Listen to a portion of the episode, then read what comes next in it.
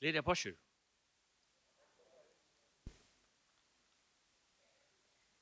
De første kristne, de, de griske, de brukte hese halsene Kristus anesti. Det var slæ av troarottan og de første kristne tøyene, halvt atro i ordkristendom.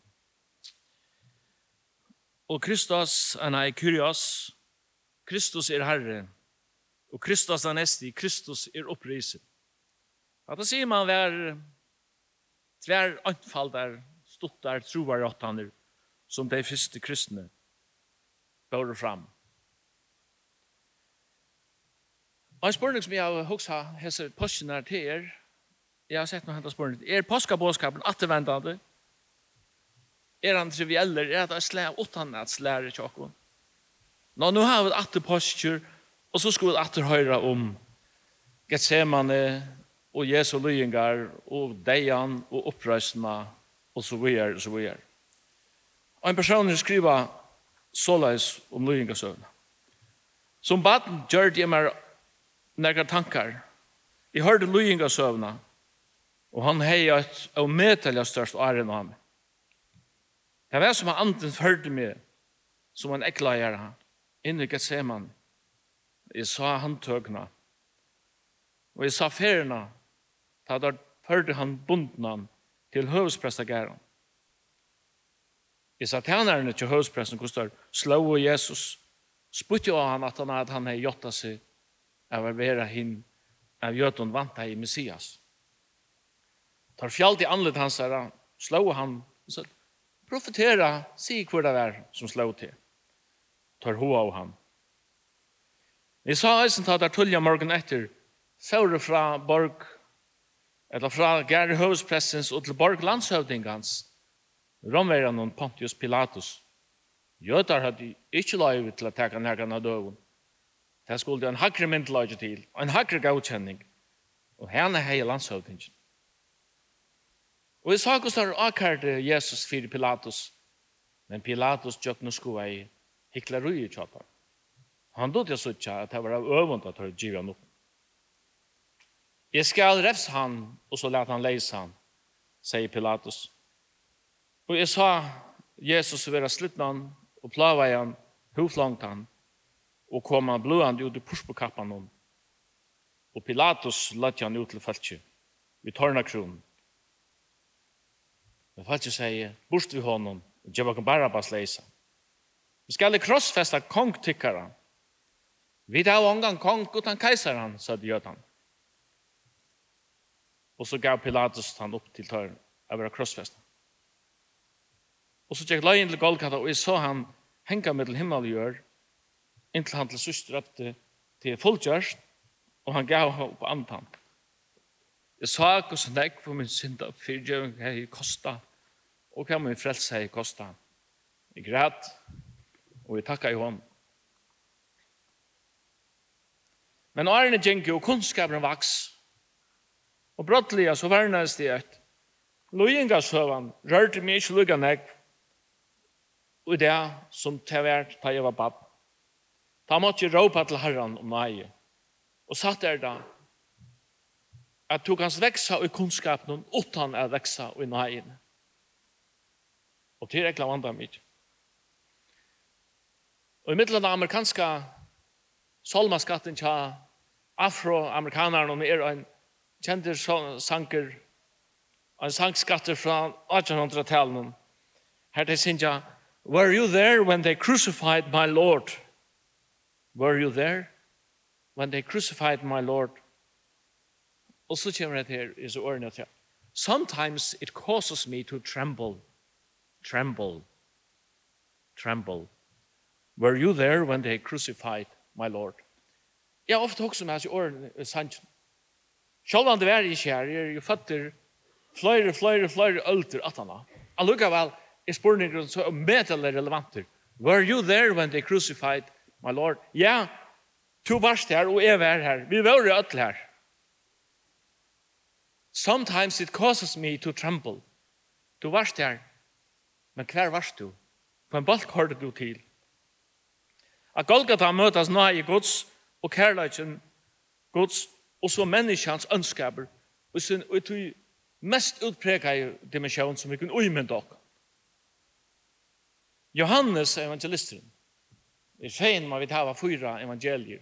Så de hava ofta en imiska vinklar til ting Johannes tåsar vi eimleika om krossen og han tåsar vi eimleika om loyingar Jesus her. Det er nesten som jeg vil suttje hata fra Guds perspektiv og Guds kærleika til mannen Leser du Matteus her evangeliet, så hadde han holdt en annan vinkel. Til utpensla en mer menneskans ønskap. Ønskaperen som krossfest i harra dårdaren er. Men ønskapen er ikke nøkter vi bare drepa. At drepa kan så gjøre på nesten en splittsekund. Men ønskapen vil først slippe pyna og til bare hovfløy som sitter i amerskingen og spotta til regnasta og edlasta som nekrande hever gynnsi her av folten. Mævor, fotler av poinen og kunne vi sjukur, sier Isaias 600 år framan omtan. Da han sa, dård Kristus her og lujengar Kristus her. Han var som en folk fjallet anlede fire. Vi drakna av han. Fyrir åndsju.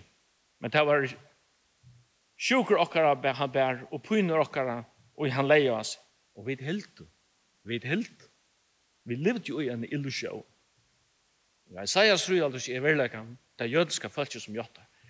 Vi hilder han være heimsøkt han, slitten han, og plava han av god. Men det er verre sjuker okkar, og pynner okkar i han tågast.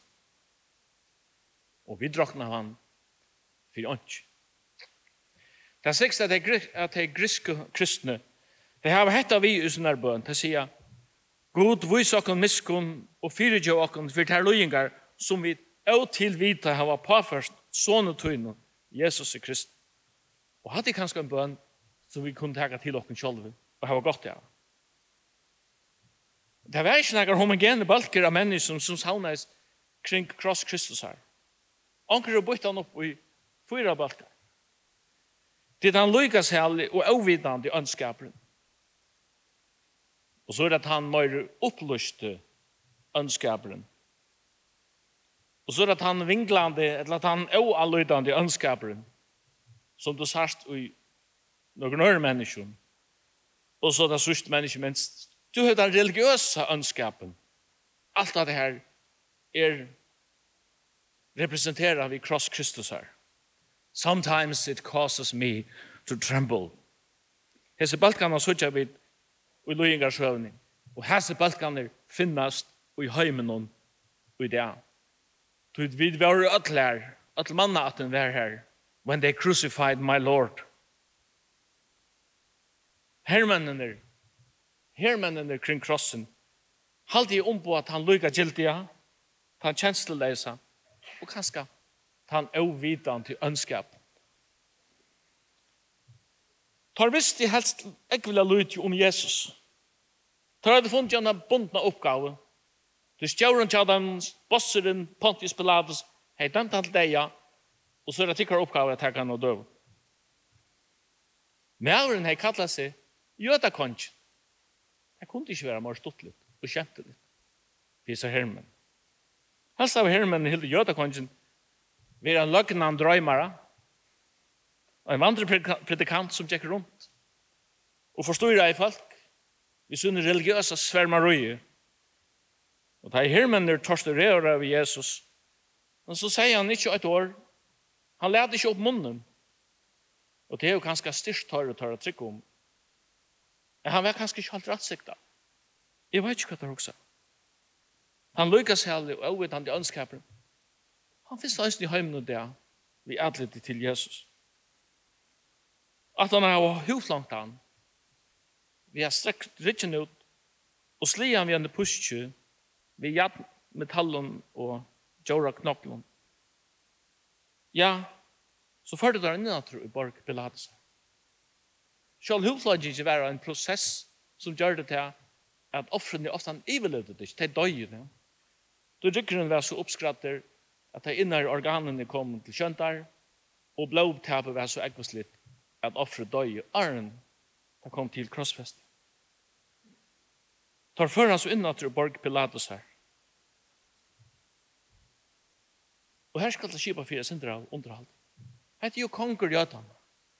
En konger. Han skal ha, han skal letast i konga kongalit skru. Da lette Jesus gjorde hans herra vanlige klævun. Det tar samtidig ikke han kongi av er sånn simplon klævun.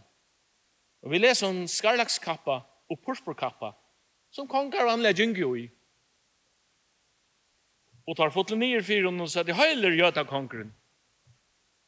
Han konger skal eisen ha en stav. Det staver er symbolet på makt og myndeløyka. Så tar gav en rørstav i håndna. Og tog rørstaven fra hon og slå i han vid rørstaven. Og han ikke konger utan en ordentlig krone. Så vanlig var det av godlig og Jimsteinen.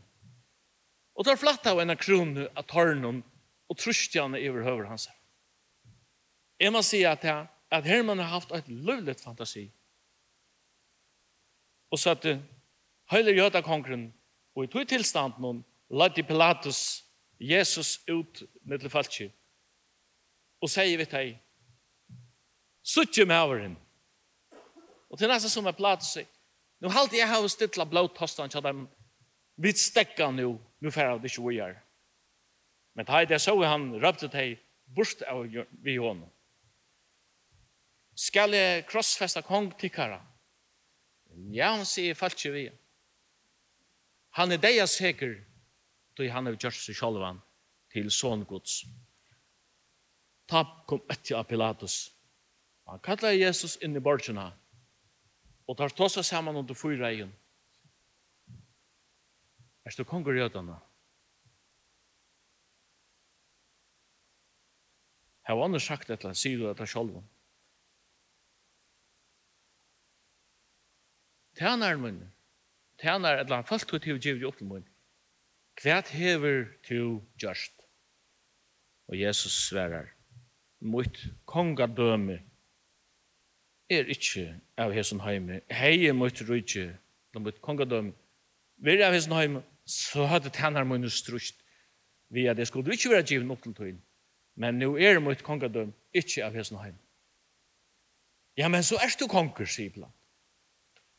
Du sier til jeg er konger, og til til være føtter, og til til kommen i heimen, at jeg skal vittne om sannløyka.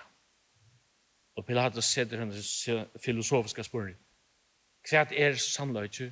Og han først ut til folk og sier, jeg finner ånka skuld til hese mann. Så var han, så var han er kjenne vidt, jeg truste, under truste noen hakna i Pilatus, og gav etter, Du gjør du handan leisan, er du ikke viner vi kajsaran. Og han gav han opp til tarra over krossfestan. Og hermennene spurte han og slå han, og fører ut til Golgata, at krossfesta han.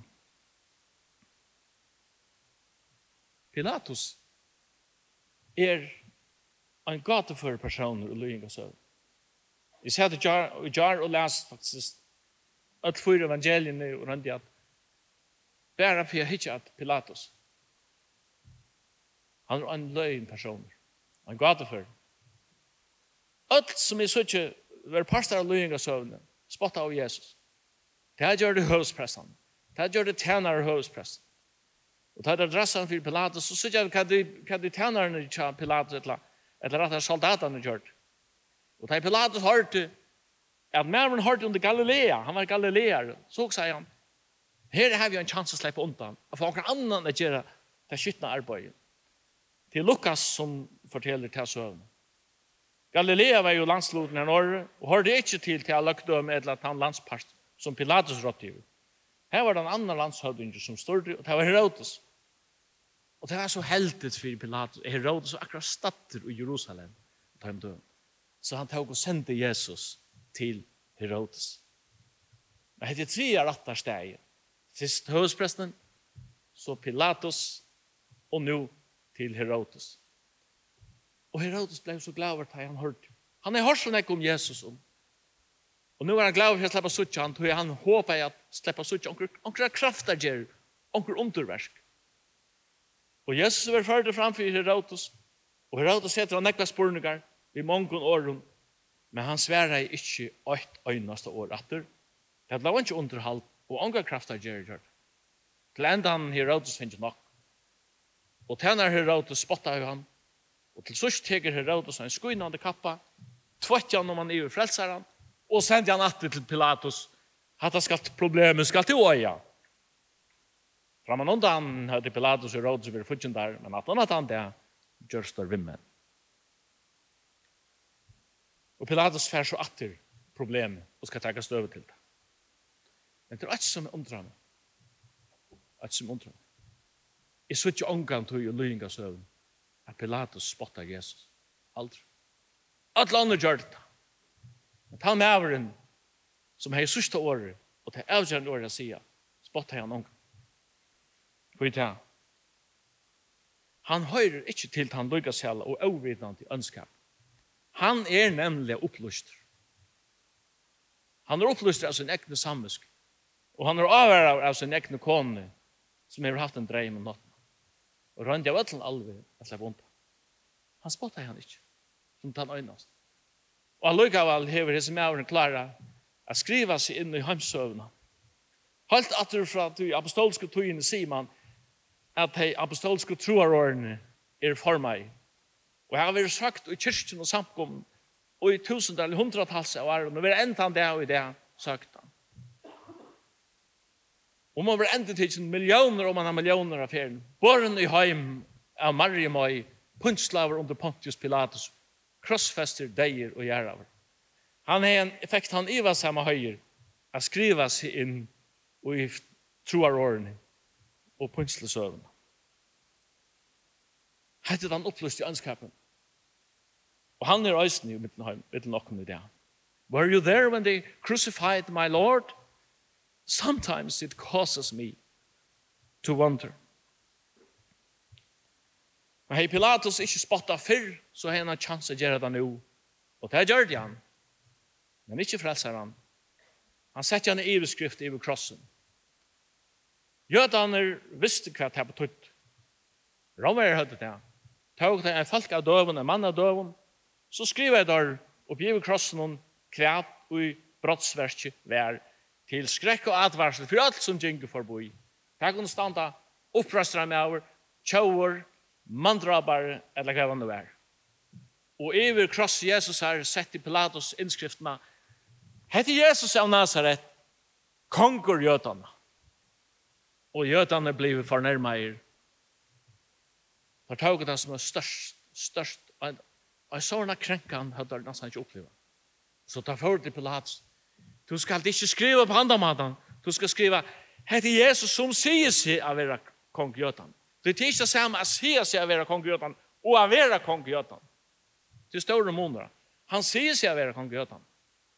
Nei, Pilatus har skriva, Jesus ur Nazaret, kong Gjøtan. Og ta jötaner koma til hans herra, vil de hava hana brøyta i utskriften i krossen, ta si Pilatus vidar. Ta som er skriva i, ta skriva i. Og så visste jötan hva det her. Nu er det halda munn. Og hei Pilatus ikkje ta seg samlaukan fyr, så gjør de han det. Nu, det er det som stod om han fyr krossen. Vær og i verløkene, samlaukan. Vi har oss østene. Den religiøse ønskapen om på en golga. Også det kom til at har jøder som kjente profetene og Moses og skriftene og som år etter år etter år etter år røpte og drømte om at Messias skulle komme. Nå er han kommet og tar av ivigjøven til høytninger og hangt han på en kross. Det sier man så mye at religion utan upplyst, at upplyst sinne vi hele andan og utan åpenbering, men ofta vil være enn ånds.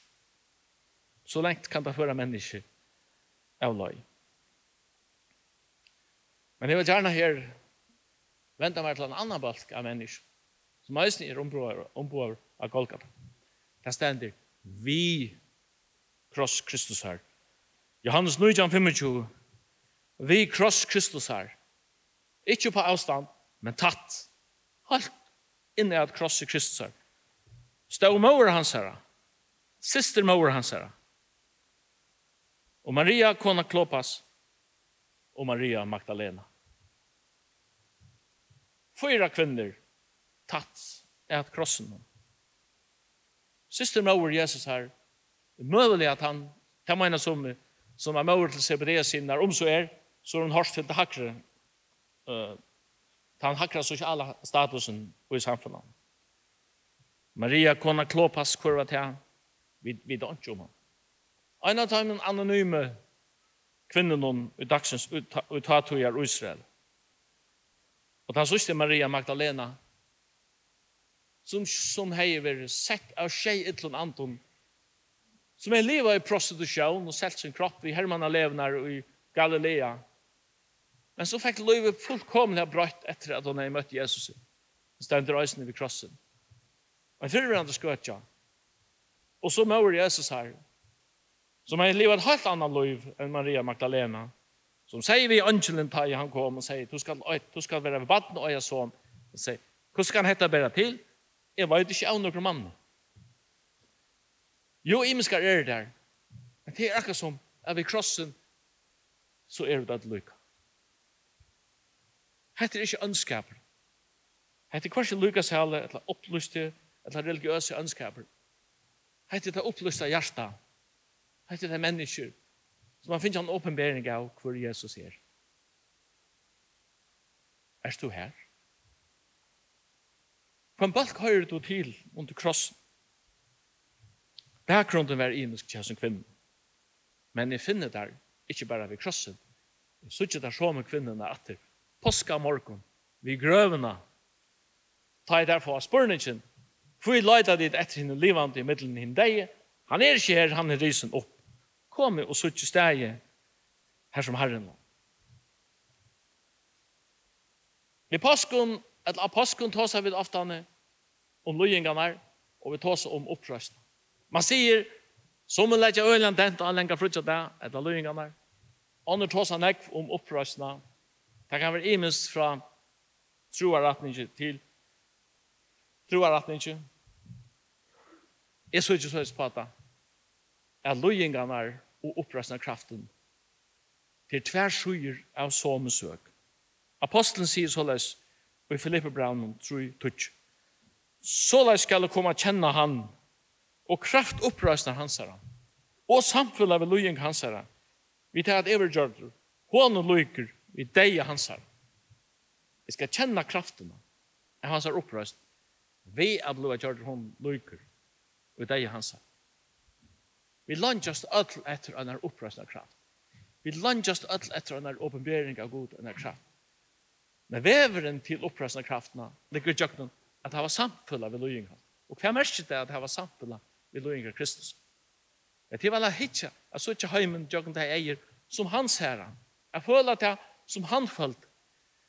Da han sa fjöldena, følte ikke tykte hun hjertelig sint ut av ham. Det var et Hakrat som sier, og jeg kan hyre hever, og han sier, skoreren er større, men arbeidsmennene er feir. Be du i herra skoreren sendte ut arbeidsmenn til skorsyn.